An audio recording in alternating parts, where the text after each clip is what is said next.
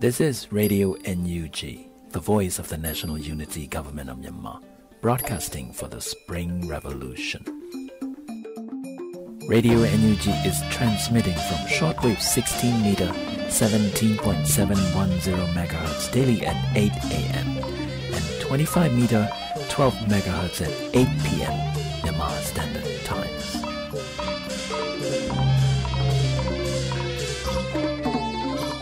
ဂလာပါခင်ဗျာအမျိုးသားညီညွတ်ရေးအစိုးရရဲ့အသံလွှင့်ဌာန Radio NUG ကိုမနေ့၈နိုင်မှာလိုင်းဒိုမီတာ16မီတာ18.87 MHz ညဘက်မှာလိုင်းဒိုမီတာ25မီတာ17 MHz တို့မှာတိုက်ရိုက်ဖမ်းယူနားဆင်နိုင်ပါပြီမင်္ဂလာအပေါင်းနဲ့ပြည့်စုံကြပါစေခုချိန်ကစပြီး Radio NUG အစီအစဉ်လေးကို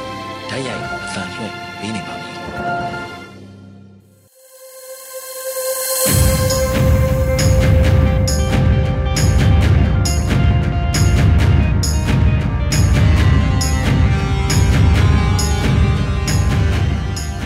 လုံးပဲမင်္ဂလာပါယခုဆက်လက်ပြီးစက်တင်ဘာ15ရက်နေ့ရပြည်တွင်းသတင်းများကိုကျွန်တော်ຫນွေဦးမောင်နဲ့အတူညီမຫນွေဦးမွန်တို့ကပူးတွဲတင်ဆက်ပေးတော့မှာဖြစ်ပါတယ် ဟုတ်ကဲ့ပါကိုနူးမောင်ကြီးခုပထမဆုံးသတင်းလေးကိုတင်ဆက်ပေးပါအောင်နော် ဟုတ်ကဲ့ပါညီမရေရှေးဦးစွာကျွန်တော်တင်ဆက်ပေးမယ့်သတင်းကတော့ဒေါ်လာဈေးအဆမတန်မြင့်တက်နေမှုကြောင့်ပြည်တွင်းလုပ်ငန်းရှင်များအခက်ကြုံနေရဆိုတဲ့သတင်းပဲဖြစ်ပါတယ်ခင်ဗျာ စစ်တပ်မှအာဏာသိမ်းယူတဲ့ဖေဖော်ဝါရီလနောက်ပိုင်းအာမခံချက်မရှိတော့တဲ့မြမစီးပွားရေးအခြေအနေတွေကြောင့်ဒေါ်လာဈေးနဲ့ရွှေဈေးကအဆမတန်မြင့်တက်ခဲ့တာပါအခုလိုဒေါ်လာဈေးတွေမကြုံတော့ဘူးတဲ့ဈေးနှုန်းတွေအထိမြင့်တက်လာနေမှုကြောင့်ပြည်တွင်းလုပ်ငန်းရှင်တွေကလုပ်ငန်းဆက်လက်လှုပ်ဆောင်ဖို့အခက်တွေ့နေရပါတယ်ဒါနဲ့ပတ်သက်ပြီးပြည်တွင်းလုပ်ငန်းရှင်တဦးကကျွန်တော်တို့လက်ရှိအခြေအနေကပုတ်ကုန်ကြမရှိဘူး သွင်းကုန်ကြီးပဲဖြစ်နေတဲ့အခြေအနေမှာဒေါ်လာဈေးတွေကအဆမတန်တက်လာတော့ပြည်တွင်းကလူတွေအတွက်နှစ်ခါနာနေတာပဲလုပ်ငန်းရှင်တွေကြတော့ဘာမှရေရေရရလုပ်လို့မရဖြစ်နေတာဘာလုပ်ငန်းမှလုပ်လို့လည်းမရဘူးလို့အမိမဖော်လို့သူလုပ်ငန်းရှင်တဦးကပြောပါတယ်စစ်ကောင်စီဟာဒေါ်လာဈေးနှုန်းကိုထိန်းချုပ်နိုင်ဖို့ဒေါ်လာဈေးရောင်းဝယ်ရမှာအများဆုံးထားရှိရမယ့်အတူအယော့ကွာခြားချက်ကိုဧပြီလကစတင်ပြီးတဖြည်းဖြည်းလျှော့ချပေးခဲ့ပါတယ်။ နောက်ဆုံးလျှော့ချထားတဲ့အတူအယော့3.8ရာခိုင်နှုန်းကိုစက်တင်ဘာ10ရက်မှာတော့ပယ်ဖျက်ခဲ့ပြီးလွတ်လပ်စွာဈေးနှုန်းသတ်မှတ်ရောင်းချနိုင်တဲ့စနစ်ကိုထပ်ပြောင်းလိုက်ပြီးမြဲဒေါ်လာဈေးနှုန်းဟာအမြင့်တနေရာမှာရှိနေသေးပါ။စစ်ကောင်စီကအာဏာသိမ်းယူပြီးနောက်မှာဗဟိုဘဏ်ကနေဈေးပြိုင်ဒီလန်နဲ့ဒေါ်လာရောင်းချခဲ့တာဟာစုစုပေါင်း82တန်းအထိရှိခဲ့ပြီးဖြစ်ပေမဲ့ပြင်ပဈေးကွက်အတွင်းမှာဒေါ်လာပြက်လက်မှုကဆက်ဖြစ်နေပြီးဘဏ်တွေမှာလည်းဒေါ်လာအယောင်းဝယ်တွေရပ်ထားနေရဆဲပါ ပုတ်ကုံသွင်းလုပ်ငန်းလုပ်ကိုင်နေသူတူကပုတ်ကုံအတွက်တော့ဈေးတွေပိုးရပေမဲ့သွင်းကုံမှာကြတော့ငွေအကုန်အကျများလာတယ်ပုတ်ကုံမှာဈေးပိုရတယ်ဆိုပေမဲ့ဗဟိုဘဏ်က exchange rate ကိုထိန်းချုပ်ထားတော့ပုတ်ကုံပါအထိနာနေတယ်။ဘာဖြစ်လို့လဲဆိုတော့အပြင်ပေါက်ဈေးမှာ2000ကျော်နေပြီးတရားဝင်ပေါက်ဈေးမှာကျ1900ကျော်ပဲရှိနေတယ်။အဲဒါကြောင့်ပုတ်ကုံမှာလည်းထင်သလောက်ဈေးမရပါဘူး။သွင်းကုံကတော့ပိုအထိနာနေတာပေါ့ဗျာလို့သူကပြောပါတယ်။နိုင်ငံရေးအခြေအနေမတည်ငြိမ်မှု ငွေဈေးအဆမတန်ပြောင်းလဲမှုနိုင်ငံတကာစီးပွားရေးလုပ်ငန်းများပြန်လည်ရုပ်သိမ်းမှုအလုတ်လက်မဲ့များလာတာတွေကြောင့် import တင်ကုန်တွေလည်းကျဆင်းလာ၍ပို့ကုန်ဝင်ငွေလက်ပတ်မှုလည်းရပ်ဆိုင်းကုန်တယ်လို့သူကပြောပြသွားပါတယ်။နိုင်ငံခြားငွေကြေးဈေးကွက်တွင်ရောင်းဈေးနှုန်းနဲ့ဝယ်ဈေးနှုန်းအကြားအများဆုံးထားရှိရမယ့်ကွာခြားချက်သတ်မှတ်ခြင်းဥပဒေကိုပြီးခဲ့တဲ့ဩဂုတ်လ3ရက်နေ့ကဗဟိုဘဏ်မှထုတ်ပြန်လိုက်တာကြောင့်ပို့ကုန်ဝင်ငွေရောင်းဝယ်မှုဈေးကွက်ဟာလည်းကမောက်ကမဖြစ်ပြီးဝယ်ရောင်းသူနှဲပါသွားတာဖြစ်တယ်လို့လည်းလုပ်ငန်းရှင်အချို့ကဆိုပါတယ်။ ခုချိန်မှာအထက်ကကန့်သက်ချက်ကိုပယ်ဖျက်လိုက်ပေမဲ့ဈေးကွက်ကိုထိန်းချုပ်နိုင်တဲ့အနေအထားမရှိသေးဘူးလို့လည်းဆိုကြပါတယ်။ဗဟိုဘဏ်ကဒေါ်လာဈေးကိုထိန်းချုပ်ဖို့အတွက်ဒေါ်လာတွေထုတ်ရောင်းတယ်။အပြင်မှာဈေးတော့အနှဲငယ်ကျသွားပေမဲ့အခုထိတော့ဈေးတွေကမြင့်နေတုံးပဲ။ကျွန်တော်တို့လုပ်ငန်းဆိုဗဟိုဘဏ်ကစံချိန်တင်ကိုထုတ်ရောင်းလိုက်တာ15တန်းဆိုတာကိုတရက်ထဲနဲ့ထွက်ရောင်းတော့ပြင်ပမှာတော့ဈေးနည်းနည်းကျသွားတယ်။2050လောက်ကနေ2000အောက်ကိုရောက်သွားတယ်။သူတို့လေလံမှာဘလို့ပဲသတ်မှတ်သတ်မှတ်ဘဏ်တွေကတော့ကြိုက်တဲ့ဈေးနဲ့ပဲရောင်းမှာဝယ်မှာပဲ။ အဓိကကတော့ဈေးကွက်ထဲကိုဒေါ်လာထပ်ထည့်ပေးလိုက်တာရောင်းလို့အားများပြီးဝယ်လို့အားနည်းသွားရင်ဈေးပြန်ကျမယ်ပေါ့။အခုကအဲ့လိုတွက်ပြီးလောက်တာအရင်လိုအခင်းကျင်းနဲ့မသက်ဆိုင်ဘူး။ပြည်သူကယုံကြည်မှုမရှိတဲ့ပြဿနာရဲ့နိုင်ငံတကာကထွက်သွားတာရဲ့မတည်ငြိမ်မှုတွေကြောင့်ဖြစ်နေတာမို့ဈေးကတော့ပြန်တက်လာအောင်မှာပဲလို့ဘဏ်လုပ်ငန်းပညာရှင်တို့ကပြောပါတယ်။ စစ်အာဏာမသိမ်းခင်ဇန်နဝါရီလနောက်ဆုံးအပတ်အထိဒေါ်လာကိုမြန်မာငွေကျပ်1389ကျပ်သားရှိခဲ့ပေမဲ့လည်းစက်တင်ဘာ12ရက်နေ့မှာတော့အမေရိကန်ဒေါ်လာဈေးနှုန်းဟာ2020ကျပ်အထိရောက်ရှိခဲ့ပါတယ်။စစ်အာဏာသိမ်းယူပြီး9လအကြာမှာဒေါ်လာဈေးနှုန်းဟာ643ကျပ်အထိမြင့်တက်လာခဲ့တာပါ။စီးပွားရေးသုံးသက်သူတွေကတော့ဒေါ်လာကို2800ကျပ်အထိမြင့်တက်လာနိုင်သေးတယ်လို့ခန့်မှန်းထားကြပါတယ်ခင်ဗျာ။ ဆက်လက်ပြီးလုပ်ငန်းရှင်တွေကစီးပွားကျနေရတဲ့ကြားတဲ့အင်တာနက်ပါထပ်အဖြတ်ခံရမယ်ဆိုရင်ပိုပြီးဆိုးရွားလာမယ်လို့စိုးရိမ်နေတဲ့အကြောင်းသတင်းကိုမြမຫນွေဦးမွန်ကပြောပြပေးသွားမှာဖြစ်ပါတယ်ခင်ဗျာဟုတ်ကဲ့ပါကိုຫນွေဦးမောင်ရေစက်တင်ဘာလ14ရက်နေ့ကတိုက်ပွဲဖြစ်နေတဲ့တောင်တွင်းမြို့နယ်မိုးကုတ်မြင်းကြံကဏီပလဲရင်းမာပင်အရာတော်ဝက်လက်စတဲ့နေရာတွေကိုစစ်ကောင်စီကအင်တာနက်ဖြတ်တောက်ထားတယ်လို့ဒေသခံတွေစီကတဆင့်သိရပါဗျ။ အာဏာသိမ်းပြီးနောက်ပိုင်းအခုလိုစစ်ကောင်စီကအင်တာနက်ဖြတ်တာဟာဒုတိယအကြိမ်မြောက်လည်းဖြစ်ပါတယ်။ခုလောလောဆယ်နေရအချို့မှာသာအင်တာနက်ဖြတ်ခံထားရပေမဲ့တနိုင်ငံလုံးအတိုင်းအတာနဲ့အင်တာနက်ဖြတ်တောက်ခဲ့မယ်ဆိုရင်စီးပွားရေးလုပ်ငန်းတော်တော်များများရပ်တန့်သွားမယ့်အရေးလုပ်ငန်းရှင်တွေကစိုးရိမ်နေကြတာလည်းဖြစ်ပါတယ်ရှင်။ကျွန်တော်တို့လုပ်ငန်းဆိုရင်အင်တာနက်အပေါ်ကိုပဲတရားရာခိုင်နှုန်းမိခိုအားထားနေရတာအင်တာနက်မရတော့ရင်အကုန်လုံးရက်ပြည့်ရမှာကျွန်တော်တို့လုပ်ငန်းရဲ့ရင်ဝန်ထမ်းတွေလည်းအလုပ်လက်မဲ့ဘဝထက်ရောက်မယ် အကျိုးဆက်ကတော့တနိုင်ငံလုံးအတိုင်းအတာလုပ်ငန်းရက်သွားမယ်။ဘာလို့လဲဆိုတော့အင်တာနက်မရှိရင်ပို့ကုန်သွင်းကုန်အကုန်ရက်မယ်။သူတို့ကဘန်တွေလဲပတ်အောင်အင်တာနက်ကိုဘန်တစ်ခုပဲပေးထားပြီးကျန်တာအကုန်ဖြတ်မယ်ဆိုရင်တော့ဘန်လုပ်ငန်းဟာလည်းအခြားဆက်ဆက်လုပ်ငန်းတွေမရှိရင်သူတို့လည်းမလဲပတ်နိုင်ဘူးလေ။အကုန်လုံးရက်သွားမှာပဲလို့ပြည်ပြည်ဆိုင်ရာကုန်သည်ပို့ဆောင်ရေးနဲ့ထောက်ပံ့ရေးလုပ်ငန်းလုပ်ကိုင်နေသူတဦးကပြောပါတယ်။အာနာသိမ်းယူပြီးနောက်ပိုင်း၃ဘက်လောက်အင်တာနက်ဖြတ်တောက်လိုက်ရုံသာမက န့်အသက်နဲ့အင်တာနက်ဝန်ဆောင်မှုပေးဖို့လုပ်ခဲ့တဲ့အကျိုးဆက်ဟာဘဏ်အပါအဝင်လုပ်ငန်းတော်တော်များများရပ်တန့်သွားပြီးမြန်မာနိုင်ငံစီးပွားရေးဟာတဟုန်ထိုးကျဆင်းလာခဲ့ရတာပါလုပ်ငန်းရှင်တဦးကလည်းအာနာသိမ့်ပြီးမကြဘူးမိုဘိုင်းအင်တာနက်တွေဖြတ်လိုက်တော့လူတွေကဖုန်းကနေအလွယ်တကူငွေလွှဲတာတွေလုပ်မရတော့ငွေသားကင်ပြီးဘဏ်ကိုသွားငွေသွင်းငွေထုတ်ရတယ်အဲ့လိုငွေသားတွေနဲ့လုပ်ငန်းတွေလည်းပတ်နေရတာကြာလာတော့ငွေသားတွေရှားပါလာတယ်အဲ့ဒီအကျိုးဆက်ကခုဆိုပြည်သူတွေကငွေသားကို ရာဂိန်နှုံးတွေပေးပြီးလဲလှယ်သုံးဆွဲနေရတာပါပဲဒါတွေကအင်တာနက်ဖြတ်လိုက်တဲ့အကျိုးဆက်တွေပဲလို့သူကပြောပါတယ်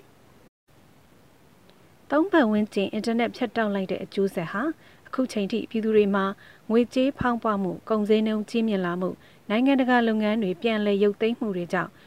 လူတွေအလုတ်လက်မဲ့ဖြစ်လာမှုတွေနေ့စဉ်နဲ့အမျှအများပြားလာနေတာပဲဖြစ်ပါရဲ့ရှင်။ရေဒီယိုအန်ယူဂျီမှဆက်လက်တန်လွှင့်ပေးနေပါတယ်။ ကူးဆက်လက်ပြီးကျန်းမာရေးကဏ္ဍအတွက်ဒေါက်တာကျော်ကျော်မှကိုဗစ်နဲ့အောက်ဆီဂျင်တိတ်တဆိတ်ထိုးကြခြင်းအကြောင်းကိုပြောပြပေးသွားမှာဖြစ်ပါတယ်။ပုံမှန်အဖြစ်ဆိုရင်တော့ဒီကျွန်တော်တို့နာနာနေနေနေပြီးတော့တိုင်းတဲ့အခါမှာဆိုရင်အောက်ဆီဂျင်ဓာတ်က60နဲ့ လေးအထက်မှာရှိနေတယ်ပေါ့နော်ဒါပေမဲ့ COVID-19 ရောဂါကူးစက်ခံရတဲ့လူမှာဆိုရင်တော့ဒီဆေးပညာခေါ်ဝေါ်ရဆိုရင်တော့ဒီ silence hypoxia လို့ခေါ်တာပေါ့ silence hypoxia ဆိုတဲ့အဓိပ္ပာယ်ကတော့ဒီအောက်ဆီဂျင်ဓာတ်ကျဆင်းနေတာကိုလူကမသိဘူးပေါ့နော်အဲ့တော့နာနာနေနေနေတဲ့အချိန်မှာဆိုရင်တော့အောက်ဆီဂျင်မကျဘူးလူကလည်းမောတဲ့လက္ခဏာမရှိဘူးဒါပေမဲ့လူကဒီတခုခုထပြီးတော့ကိုလက်လှုပ်ရှားလိုက်တာတို့ဥမာအိမ်နာတို့ရေချိုးကန်အဲ့လိုမျိုးသွားလိုက်တဲ့အခါမှာဆိုရင်တော့ဒီအောက်ဆီဂျင်ဓာတ်ကရုတ်တရက်ပြုတ်ကျတတ်ပါတယ်အဲ့ဒီချိန်ကိုလူနာလူနာတွေအနေနဲ့တိမထားမိပဲနဲ့အဲဖြစ်တတ်ကြပါတယ်အဲ့လိုမျိုးဆိုရင်တော့ဒီအသက်အန္တရာယ်စိုးရိမ်ရတဲ့အထိလည်းဖြစ်တတ်ပါတယ်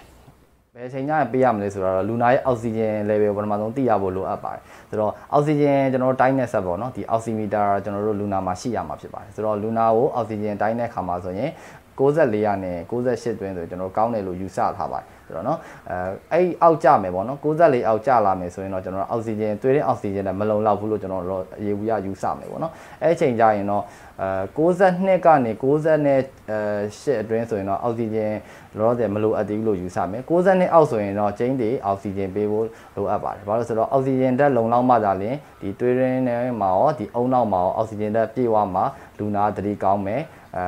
ဟိုအသက်ရှူတာတွေပါလည်းအဆင်ပြေမယ်ပေါ့နော်အောက်ဆီဂျင်မလုံလောက်ဘူးဆိုရင်လူနာခရောင်ခရမ်းပြောတာတို့နော်3လီတာတို့နောက်ပိုင်းအဲ့လိုဆိုးဆိုးဝါးတွေဖြစ်နိုင်တယ်အသက်ရှူမောချက်တာတွေပါလည်းပို့ပြီးတော့ခံစားရဖြစ်ပါတယ် 60ဒီ62အောက်ကျရတယ်ပေါ့နော်အောက်ဆီဂျင်64 62အောက်ဆိုရင်တော့ကျွန်တော်တို့အနည်းဆုံးပမာဏနဲ့လူနာအောက်ဆီဂျင်ပြန်တက်နိုင်တယ်ဆိုရင်အနည်းဆုံးပမာဏပဲကျွန်တော်ပေးမှာဖြစ်ပါတယ်ဆိုတော့လူနာကအောက်ဆီဂျင်60လောက်နဲ့နေတယ်အသက်ပုံမှန်အောက်ဆီဂျင်မရှူဘဲနဲ့60လောက်နဲ့နေနေရဆိုရင်ကျွန်တော်တို့1လီတာပေးလို့အောက်ဆီဂျင်1လီတာပေးလို့64အထက်ကိုပြန်တက်တယ်ဆိုရင်1လီတာပဲပေးထားလို့အဆင်ပြေပါတယ်ဒါဒါပေမဲ့အောက်ဆီဂျင်ကဒီ1လီတာနဲ့မရဘူး2လီတာပေးမှာအောက်ဆီဂျင်ကဒီပြန်တက်တယ်ဆိုရင်လည်း2လီတာနဲ့ပဲအနည်းဆုံး ပေးမှာဖြစ်ပါတယ်ဆိုတော့ဒါပေမဲ့လူနာကစိုးစိုးဝါးအောက်ဆီဂျင်ကျတယ်ပေါ့နော်ဒီပုံမှန်လေရှူပြီးတော့ပဲအောက်ဆီဂျင်က80 80အဲ့လိုမျိုး80 80အထက်အဲ့လိုမျိုးတွေဖြစ်နေတယ်ဆိုရင်တော့ကျွန်တော်တို့ကအောက်ဆီဂျင်ကိုပမာဏတိုးပြီးတော့ပေးရမှာဖြစ်ပါတယ်ဆိုတော့ကျွန်တော်အောက်ဆီဂျင်ပေးတဲ့ခါမှာလည်းဒီပေးပုံပေးဝင်ကြီးကကြတော့ကျွန်တော်ရိုးရိုးနှာခေါင်းပိုက်ရှိတယ်ပေါ့နော်အောက်ဆီဂျင်နှာခေါင်းမှာတက်တဲ့အောက်ဆီဂျင်ပိုက်ရှိတယ်နောက်တစ်ခုက face mask လို့ခေါ်တဲ့အောက်ဆီဂျင်ဒီမျက်နှာဖုံးနဲ့ face mask ရှိတယ်နောက်တစ်တူထပ်ပို့ပြီးတော့အောက်ဆီဂျင်ပို့ရနိုင်တဲ့ဟာကြတော့ဒီ face mask ရဲ့နောက်မှာဒီ reservoir bag ပေါ့နော်ဒီလေအိတ်ပါတဲ့ mask ပေါ့နော်အဲ့ဒီ mask နဲ့အဲပေးရတာရှိပါတယ်ဆိုတော့အဲကျွန်တော်တို့ပေးပုံပေးနည်းကတော့ဒီနှာခေါင်းပိုင်းနဲ့ဆိုရင်တော့ကျွန်တော်တို့ကအများဆုံး4လီတာထိပေးလို့ရပါတယ်ဆိုတော့အောက်ဆီဂျင်ပမာဏကျအောက်ဆီဂျင်ကျနေတဲ့လူနာကိုအစဒီနှာခေါင်းပိုင်းနဲ့2လီတာပေးမယ်အဲတက်တယ်ဆိုရင်အဲ့တိုင်းပဲထားမယ် ဒါပေမဲ့4လီတာအထိကျွန်တော်တို့တင်ပေးတယ်နှာခေါင်းပိုက်နေပေါ့နော်အဲ့ဒါကိုအောက်ဆီဂျင်ဓာတ်ကပုံမှန်ဓာတ်ပြန်မတက်လာဘူးကျနေတော့မယ်ဆိုရင်တော့ဒီအဲတူးထပ်ပို့ပြီးတော့အောက်ဆီဂျင်ပို့ရနိုင်တဲ့နှာခေါင်းပိုက်အမျိုးအစားကိုကျွန်တော်ပြောင်းမှာဖြစ်ပါတယ်ဆိုတော့နှာခေါင်းရိုးရိုးနှာခေါင်းပိုက်နဲ့မရဘူးဆိုရင်ကျွန်တော် face mask ကိုပြောင်းပေးမယ်ပေါ့နော်ဒီ face mask ဆိုရင်တော့ဒီအောက်ဆီဂျင် face mask နဲ့ပြောင်းပေးလိုက်ပြီဆိုရင်တော့အဲ5လီတာအောက်ကိုကျွန်တော်ပေးလို့မရတော့ပါဘူးအောက်ဆီဂျင်မျက်နှာဖုံးနဲ့ပေးမယ်ဆိုရင်5လီတာနဲ့10လီတာ5လီတာနဲ့အထက်ဖြစ်ရမှာဖြစ်ပါတယ် ဆိုတော့အဲ5လီတာနဲ့အထက်ပေးလို့လူနာအောက်ဆီဂျင်ပြန်တက်တယ်ဆိုရင်ကျွန်တော်တို့အဲ့တိုင်းလေးပဲဆက်ပြီးတော့ပေးမှာဖြစ်ပါတယ်ဆိုတော့ဆိုတော့ဒီ face mask ရဲ့ဒီတက်မှတ်ချက်ကကြတော့10လီတာအထိပေးလို့ရတဲ့ကြောင့်မလို့ဒီရိုးရိုး face mask နောက်မျက်နှာဖုံးဆိုရင်ကျွန်တော်10လီတာအထိတင်ပေးလို့ရတယ်ဒီကျွန်တော်တို့အစပေးကြည့်မယ်ပေါ့နော်5လီတာ6လီတာ7အဲ့လိုမျိုးပေးလို့မတက်ဘူးဆိုရင်နောက်အဆုံးထိ10လီတာအထိတင်ပေးလို့ရအောင် ဆိုတော့ဒီမျက်နှာဖုံးနဲ့လည်းကျွန်တော်တို့ကဒီမတက်ဘူးအောက်ဆီဂျင်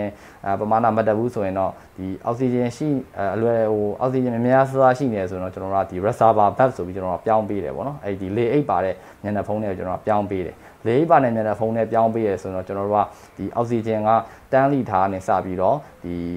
15လီတာပေါ့နော်15လီတာကြီးကျွန်တော်တိုးပေးလို့ရတယ်တချို့ဆက်တွေမှာတော့10လီတာအထိပဲပါတော့10လီတာနဲ့ပဲကျွန်တော်အမြင့်ဆုံးပေးရမှာဖြစ်ပါတယ် ဆိုတော့အောက်ဆီဂျင်များများဆဆရှိတယ်အောက်ဆီဂျင်ဟို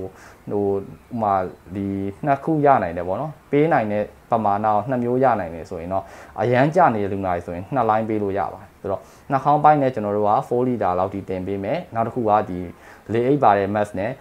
10လီတာဒါမှမဟုတ်ရင်15အဲ15လီတာပေါ့နော်15လီတာကျွန်တော်တို့အဲ့လိုမျိုး တခါတည်းနှစ်မျိုးပေါင်းပြီးရင်တော့လူနာအောက်ဆီဂျင်ပို့ပြီးတော့တက်နိုင်တာဖြစ်ပါတယ်ဆိုတော့အောက်ဆီဂျင်အဲအောက်ဆီဂျင်ကျနေတဲ့အချိန်မှာဆိုရင်တော့ဒီအောက်ဆီဂျင်ပြန်တက်ဖို့ကတော့ကျွန်တော်တို့ကဟိုပေးရမယ့်အရာတော့ဟိုတခြားဆေးထိုးလို့မရဘူးပေါ့နော်အာဆေးထိုးလို့တချို့ဆေးတချို့ကရှိကြပေါ့နော်ဆေးဟိုအောက်ဆီဂျင်ပြန်တက်တဲ့ဆေးထိုးတယ်လို့ဘာလို့အဲ့လိုမျိုးတွေကျွန်တော်တို့အဲ့လိုမျိုးမရှိပါဘူးအောက်ဆီဂျင်လိုအပ်တဲ့အချိန်မှာကျနေတဲ့အချိန်မှာပေးရမယ့်အရာအောက်ဆီဂျင်ပဲဖြစ်ပါတယ် ဆိုတော့အောက်ဆီဂျင်ရှူမှပဲလူနာကအသက်ရှူရတက်တာမယ်အောက်ဆီဂျင်လည်းပြန်တက်မယ်ပေါ့နော်ဒါပေမဲ့အခုကာလအခုအချိန်တွေကတော့အောက်ဆီဂျင်ပမာဏနည်းပါးတဲ့အချိန်မှာတော့အဲကျွန်တော်တို့ကလူနာကိုဘာလို့ပေးထားလို့ရလဲဆိုရင်ကျွန်တော်တို့ဒီအောက်ဆီဂျင်အဲအောက်ဆီဂျင်လည်းရနိုင်တဲ့အချိန်မှာရှူမယ်ပေါ့နော်ပြီးတော့အောက်ဆီဂျင်ကိုပြန်တက်အောင်ဆိုကျွန်တော်တို့လူနာကိုအနေထားကျွန်တော်တို့ပြောင်းလို့ရပါတယ်ဆိုတော့အောက်ဆီဂျင်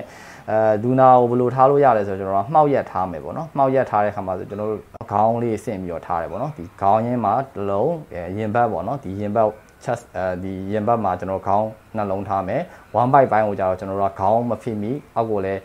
ကျန်းညင်တယ်လည်းမဖိမိအောင်လွှတ်ထားမယ်ပြီးတော့ဒီခြေထောက်ခြေသလုံးပိုင်းမှာကျွန်တော်ခေါင်းသလုံးထားမယ်ပေါ့နော်အဲ့ဒီအဲ့လိုမျိုးပုံစံရှင်ပုံစံနဲ့လူနာကိုမှောက်ပြီးတော့ထားမယ်မှောက်ခြင်းအပြင်ဘယ်လိုဖြစ်လဲဆိုတော့ဒီအဆုပ်ရဲ့ဒီအစိပ်ပိုင်းအကုန်လုံးကမှောက်ထားမယ်ဆိုရင်အကုန်အလုံးလုံးပါတယ် ဆိုတော့ကျွန်တော်ပက်လက်အိတ်ပက်လက်အိတ်တဲ့ပက်လက်အိတ်တာကိုတစ်စောင်းအိတ်တယ်ကျွန်တော်အဆုပ်ရဲ့အစိပ်ပိုင်းအလုံးကအလုံးမလုံးပါဘူးဆိုတော့မှောက်ရက်ထားခြင်းအပြင်အဆုပ်ရဲ့ဒီ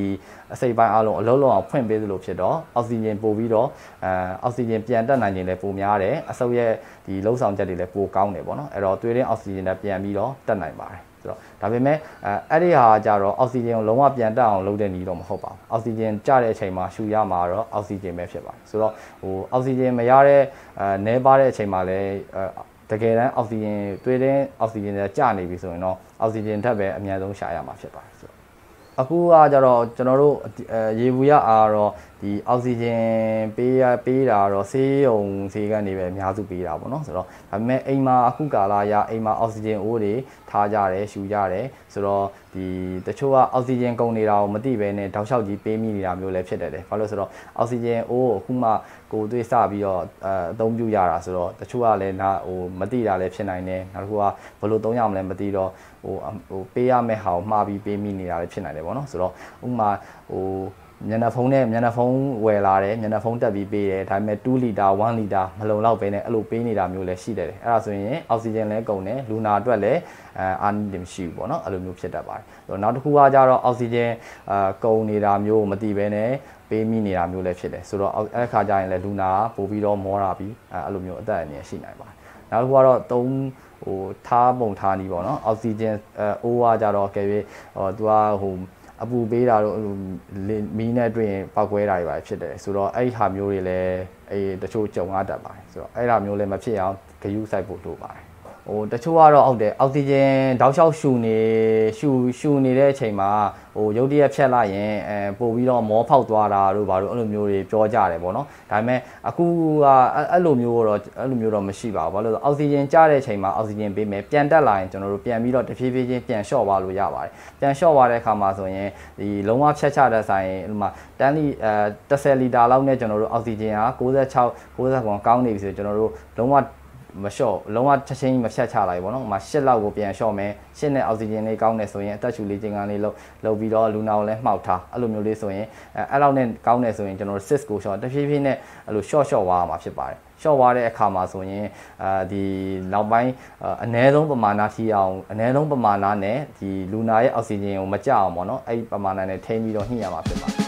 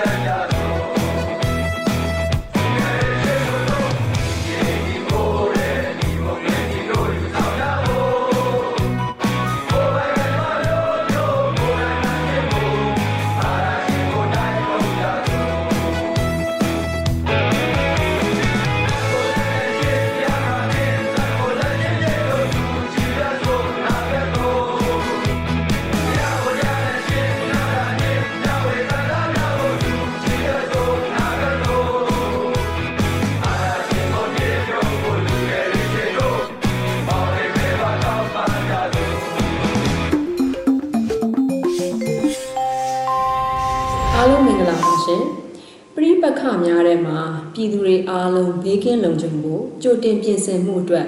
အကြံပြုတင်ပြဖို့အချိန်ကြာရောက်လို့လာပြန်ပါပြီ။ကျမပြောပြမယ့်အချက်တွေကိုလည်းလိုက်ပါလှုပ်ဆောင်နိုင်မယ်လို့ယုံကြည်ပါတယ်။အခုအစီအစဉ်မှာတော့အရေးပေါ်အခြေအနေအတွင်းမှာလုံခြုံရေးကြောင့်မိမိနေအိမ်ကိုစွန့်ခွာရတော့မယ်ဆိုရင်ဘာတွေဆောင်ရွက်သင့်လဲဆိုတာကိုဆွေးနွေးသွားမှာဖြစ်ပါတယ်။မိမိနေအိမ်ကစွန့်ခွာတော့မယ်ဆိုရင်အိမ်မှာရှိတဲ့မီးခလုတ်တွေပိတ်တာမင်းချသွားတာတွေကိုမဖြစ်မနေလှုပ်ဆောင်ကြရမှာဖြစ်ပါတယ်။ အချိန်ရမယ်ဆိုရင်ရေတိုင်ကြီးတွေရေစီတွေကိုရေဖြည့်ထားခဲ့ရမှာဖြစ်ပါတယ်။ဒါတွေဟာမီးဘေးအန္တရာယ်အတွက်ကြိုတင်ကာကွယ်ရေးလှုပ်ဆောင်ချက်တွေလည်းဖြစ်ပါတယ်။တန်မိုးကြီးပစ္စည်းများရှိမယ်ဆိုရင်မိမိအိမ်တကားတွေကိုတော့ခတ်ပိတ်ထားခဲ့ရမှာဖြစ်ပြီးတော့အဖိုးတန်ပစ္စည်းမရှိဘူးဆိုလို့ရှိရင်တော့တကားတွေကိုစိတ်ယုံတာစိတ်ပိတ်စေချင်ပါတယ်။ဘာကြောင့်လဲဆိုရင်တော့အကျန်းဖက်စစ်ကောင်စီတပ်တွေဟာတော့ပိတ်ထားတဲ့အိမ်တွေကိုဖျက်ဆီးဝင်ရောက်နေရှိလို့ဖြစ်ပါတယ်။ အကောင်းဆုံးကတော့အရေးကြီးပစ္စည်းနဲ့စားနပ်ရိက္ခာတွေကိုစင့်အိုပလတ်စတစ်ပုံစတာတွေနဲ့ထည့်ပြီးတော့မြေမြုပ်တာလုံခြုံသောနေရာတွေမှာတင်ခဲ့တာတွေကိုတော့ပြုလုပ်တင်ပါတယ်။ရှောင်တိန်ရမယ့်နေရာတွေကိုသွားကြတဲ့အခါမိသားစုဝင်အချင်းချင်းအဆက်အသွယ်မပြတ်ဖို့ဂရုစိုက်ရမှာဖြစ်ပါတယ်။မိသားစုဝင်တွေပြန်လည်စုံစည်းရမယ့်စုရက်ကိုအနည်းဆုံးနှစ်ခုသတ်မှတ်ထားဖို့လိုအပ်ပါတယ်။ရှောင်တိန်တဲ့အခါမှာကလေးငယ်များကိုအထူးဂရုစိုက်ပြီးခေါ်သွားဖို့လိုအပ်ပါတယ်။ ပြိပခါတွေအတွင်းမှာမတော်တဆထိခိုက်မှုတွေအတွက်လည်းကြိုတင်ပြင်ဆင်စရာတွေရှိပါသေးတယ်။မတော်တဆထိခိုက်မှုတွေဖြစ်လာလို့ရှိရင်ကယ်ဆယ်ကုသနိုင်ဖို့မိသားစုဝင်များရဲ့အမည်ဖုန်းနံပါတ်နဲ့သွေးအုပ်စုများကိုလက်မောင်းပေါ်မှာရေးမှတ်ထားဖို့လည်းအရန်ကိုအရေးကြီးလာပါတယ်။ဒါအပြင်အရေးပေါ်ဆက်သွယ်ရမယ့်ဖုန်းနံပါတ်တွေရေးမှတ်ဖို့အရေးကြီးစာရွက်စာတမ်းတွေအားလုံးကိုယူဆောင်သွားဖို့လည်းလိုအပ်ပါတယ်။ပေါ်ပါလွတ်လပ်တဲ့အဝတ်အစားတွေဝတ်ဆင်ရမှာဖြစ်ပြီးတော့ ပြင်ဆင်ထားတဲ့တကူစားအရေးပေါ်အိတ်ကိုယူဆောင်ခဲ့ရမှာလည်းဖြစ်ပါတယ်။ကိုယ့်ရဲ့မိသားစုဝင်တွေထဲမှာကလေးသူငယ်တွေကိုဝန်ဆောင်သူတွေရှိတယ်ဆိုရင်တော့သူတို့အတွက်လိုအပ်တဲ့အစားအစာတွေဆေးဝါးတွေထည့်ဖို့မမေ့ပါနဲ့နော်။ဒါဆိုလို့ရှိရင်တကူစားအရေးပေါ်အိတ်ထဲမှာဘာတွေထည့်ထားရမလဲ။တောက်သုံးရင်မုံချောက်နဲ့ခောက်ဆွဲချောက်တွေကိုအာဟာရအတွက်ထည့်ရမှာဖြစ်ပါတယ်။အရေးပေါ်ဆေးဝါးနှာခေါင်းစီလက်တန့်စီ ခြင်နေပိုးမွားတွေကိုကာကွယ်နိုင်တဲ့လိန်စီဖြန်းစီတွေပါပါဝင်ရမှာဖြစ်ပါတယ်။လက်နက်ကြီးနက်နက်ငယ်တန်တွေကနေကိုယ့်ရဲ့နားကျမ်းမာရေးကိုကာကွယ်ဖို့နှချက်ခွန်စတာတွေပတ်တီးလိတ်တွေစောင့်ထားဖို့လည်းလိုအပ်ပါတယ်။ဓာတ်ခဲတွေဆိုလာဓာတ်မီးတွေထီမိုးကပါဝါဘန်ဖုန်းဖုန်းအားသွင်းကြိုစာကြည့်မီဖုန်းငွေဖြည့်ကတ်စတာတွေထည့်သွင်းပါရှိရမှာဖြစ်ပါတယ်။ အတွင်းခံအပါအဝင်ပေါ်ပါလွတ်လပ်တဲ့အဝတ်အစားတချို့အမျိုးသမီးတွေဆိုလို့ရှိရင်အမျိုးသမီးလာစဉ်သုံးပစ္စည်းတွေလည်းပါရှိရမှာဖြစ်ပါတယ်။ဒါအပြင်စာချုပ်စာတမ်းတွေလိုင်စင်တွေမှတ်ပုံတင်တွေအိမ်အောင်စုစီရင်ငွေဗန်စာအုပ်နဲ့တန်မိုးကြီးပစ္စည်းတွေထည့်သွင်းရအောင်မှာဖြစ်ပါတယ်။အရေးပေါ်သုံးဖို့တစ်ရှူအဆိုအချောက်ဖျောင်းနိုင်မီးကျက်ဓာတ်ကတ်ကြီးရေဒီယိုခရစတာတွေလည်းလိုအပ်ပါတယ် အခုဆွေးနွေးတဲ့အချက်လက်တွေကတော့အမျိုးသားညီညွတ်ရေးအစိုးရလူသားချင်းစာနာထောက်ထားရေးနဲ့ဘေးအန္တရာယ်ဆိုင်ရာစီမံခန့်ခွဲရေးဝန်ကြီးဌာနကနေထုတ်ပြန်ထားတဲ့ပရိပက္ခများအတွင်ပြည်သူများဘေးအန္တရာယ်အတွက်ကြိုတင်ပြင်ဆင်နိုင်ရန်အတွက်အချက်တွေပဲဖြစ်ပါတယ်။ပြည်သူတွေအားလုံးကြမ်းကြမ်းမာမာနဲ့ဘေးအန္တရာယ်ကင်းဝေးနိုင်ကြပါစေ။အရေးတော်ပုံတကယ်အောင်ရမှာပါ။အခုဆက်လက်ပြီး CDN ဗိုလ်ကြီးတို့၏ဇနီးဖြစ်သူမတ်စုသစ္စာစော်ရဲ့ရင်ဖွင့်တန်ကိုတင်ဆက်လိုက်ပါတယ်။ အာကျမကတော့ပြည်သူဘက်ကိုမျက်နှာမူလာတဲ့ဘိုးကြီးတူရဲ့ဇနီးဖြစ်ပါတယ်ရှင်အာဒီအာနာသိန်းဖြစ်စဉ်အချိန်မှာကျမအမျိုးသားကိုကျမမေးပါတယ်သူကတော့အဲ့ချိန်တင်တန်းတစ်ခုရောက်နေတာပေါ့နော်အာ ပြည်သူတင်မြှောက်ထားတဲ့အစိုးရအာဏာပြန်ရအောင်မလုပ်ရမလဲလို့ကျမသူ့ကိုမေးရရှင်ဆိုတော့သူကပြန်ဖြေတယ်တက်မတော်သားအားလုံးအဲပြည်သူဘက်ကိုထွက်လာမှအာဏာပြန်ရနိုင်မယ်ဆိုပြီးတော့ပြောခဲ့တယ်ပေါ့နော်အဲ့အချိန်ကတော့ February လဆန်းပိုင်းလောက်ကဖြစ်ခဲ့ပါတယ်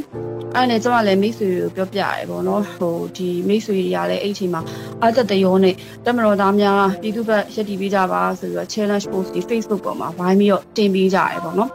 အာကျမကဒေါ်လာကြီးနဲ့ပတ်သက်ပြီးတော့ post တွေတင်တယ် share တယ်အဲအဲ့ချိန်ကျမဆရာသမားတွေပေါ့နော်အတိမိတ်ဆွေရဝိုင်းတာကြရပေါ့အာမျိုးသား in service ဖြစ်တယ်မလုံးနဲ့ဆိုပြီးတော့ပြောကြရပေါ့နော်ဒါပေမဲ့ကျမမတရားမှုအတွက်နှုတ်ဆက်နေဖို့အတွက်ကျမလိပ်ပြမလုံခဲ့ဘူးအာကျမအမျိုးသားကိုလည်းကျမအမြဲတမ်းတိုက်တွန်းနေပေါ့နော် ပြည်သူတွေမတရားနှိပ်စက်ခံရတဲ့အကြောင်းပေါ့အဲအထူးသဖြင့်မြောက်ကလာမှာဒီပရာဟိတသမားလေးတွေကိုတနက်ဒီတွေနဲ့ထုတယ်ခြေထောက်တွေနဲ့ကန်တယ်ဆိုလို့ရှိရင်ကျမတို့မျက်ရည်ကျရတယ်ကလေးလေးတွေပြစ်တက်ခံရတယ်ကျမတို့မျက်ရည်ကျရတယ်ဟိုတွေးမတော်တောင်းဆက်ဖင်းနဲ့မျက်ရည်ကျရတယ်စိတ်ထိခိုက်ရတယ်ပေါ့နော်ဆိုတော့ကျမဒီအကြောင်းတွေကိုသူ့ကိုနှိမ့်တဲ့သူကပြောပြဖြစ်တယ် အဲသူကကြတော့ဒီစစ်တပ်ကဒီလိုပြုတ်မှုနေတာတွေကိုမကြိုက်ပြီးမဲ့ထွက်လာရင်ကြုံရမယ့်အခက်အခဲတွေကိုအိမ်တော်ဦးစီးဖြစ်တဲ့အတွက်စိုးရိမ်နေရှေ့ဆက်မိသားစုစာဝင်နေရေးကိုလည်းသူစိုးရိမ်နေစိတ်ပူပဲပေါ့နော်ပြီးတော့တက်ပြေးဆိုတာအယူသူမဖြစ်ချင်ဘူးပေါ့အဲပြီးတော့သူက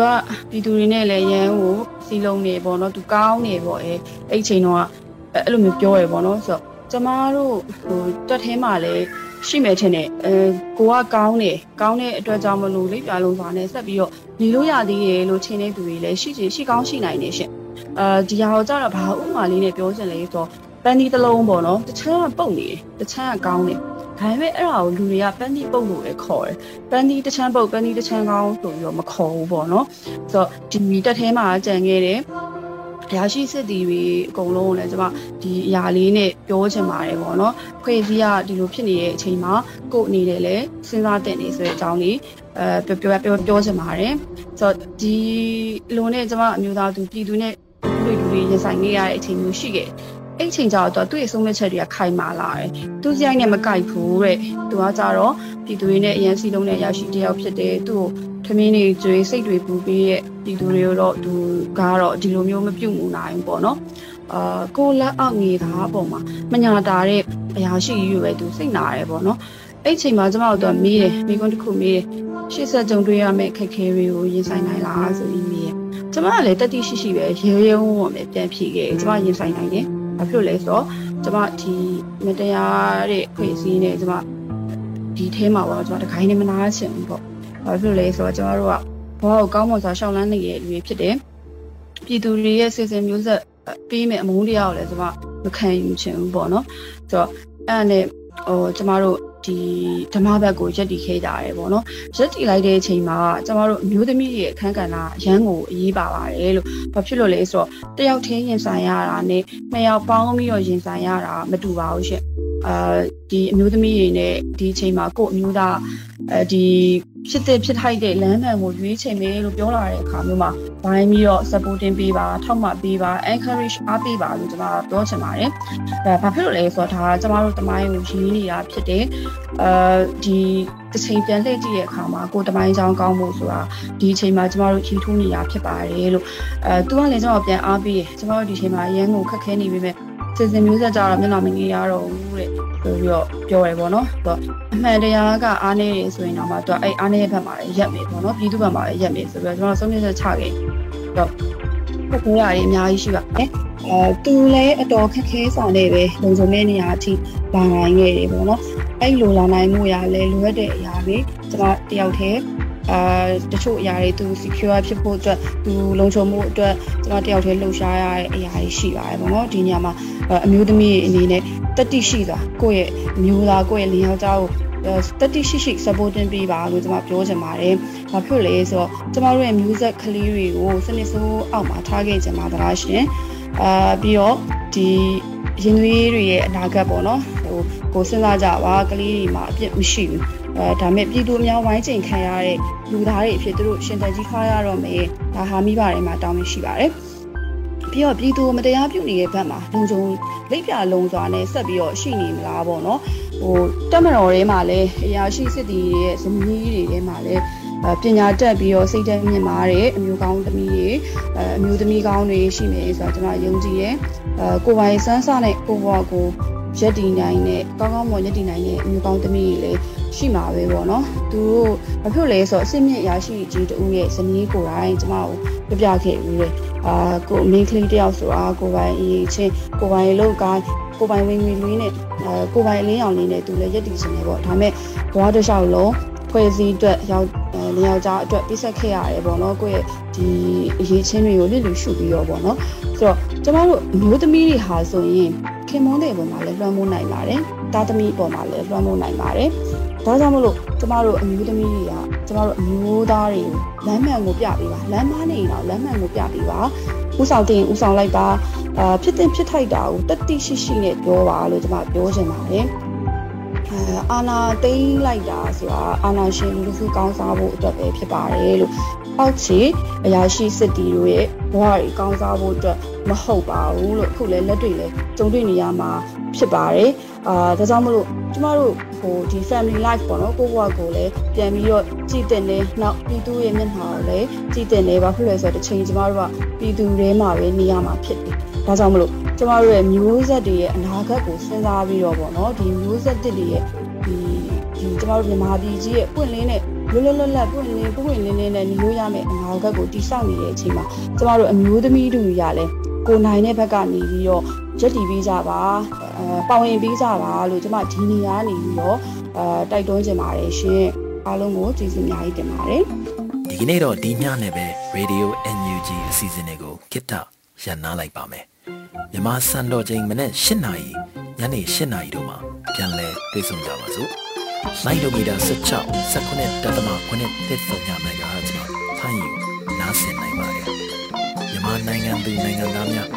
ကိုစိတ်နှပြချမ်းသာချမ်းသာလို့ဘေးကင်းလုံခြုံကြပါစေလို့ Radio NUG အဖွဲ့သူအဖွဲ့သားများဆုတောင်းပေးလိုက်ပါတယ်အမျိုးသားညီညွတ်ရေးအစိုးရရဲ့ဆက်သွယ်ရေးသတင်းအချက်အလက်နဲ့ဤပညာဝန်ကြီးဌာနကထုတ်လွှင့်နေတဲ့ Radio NUG ဖြစ်ပါတယ် San Francisco Bay Area ခြေဆိုင်မြန်မာမိသားစုများနဲ့နိုင်ငံတကာကစေတနာရှင်များလုံအားပေးများရဲ့ Radio NUG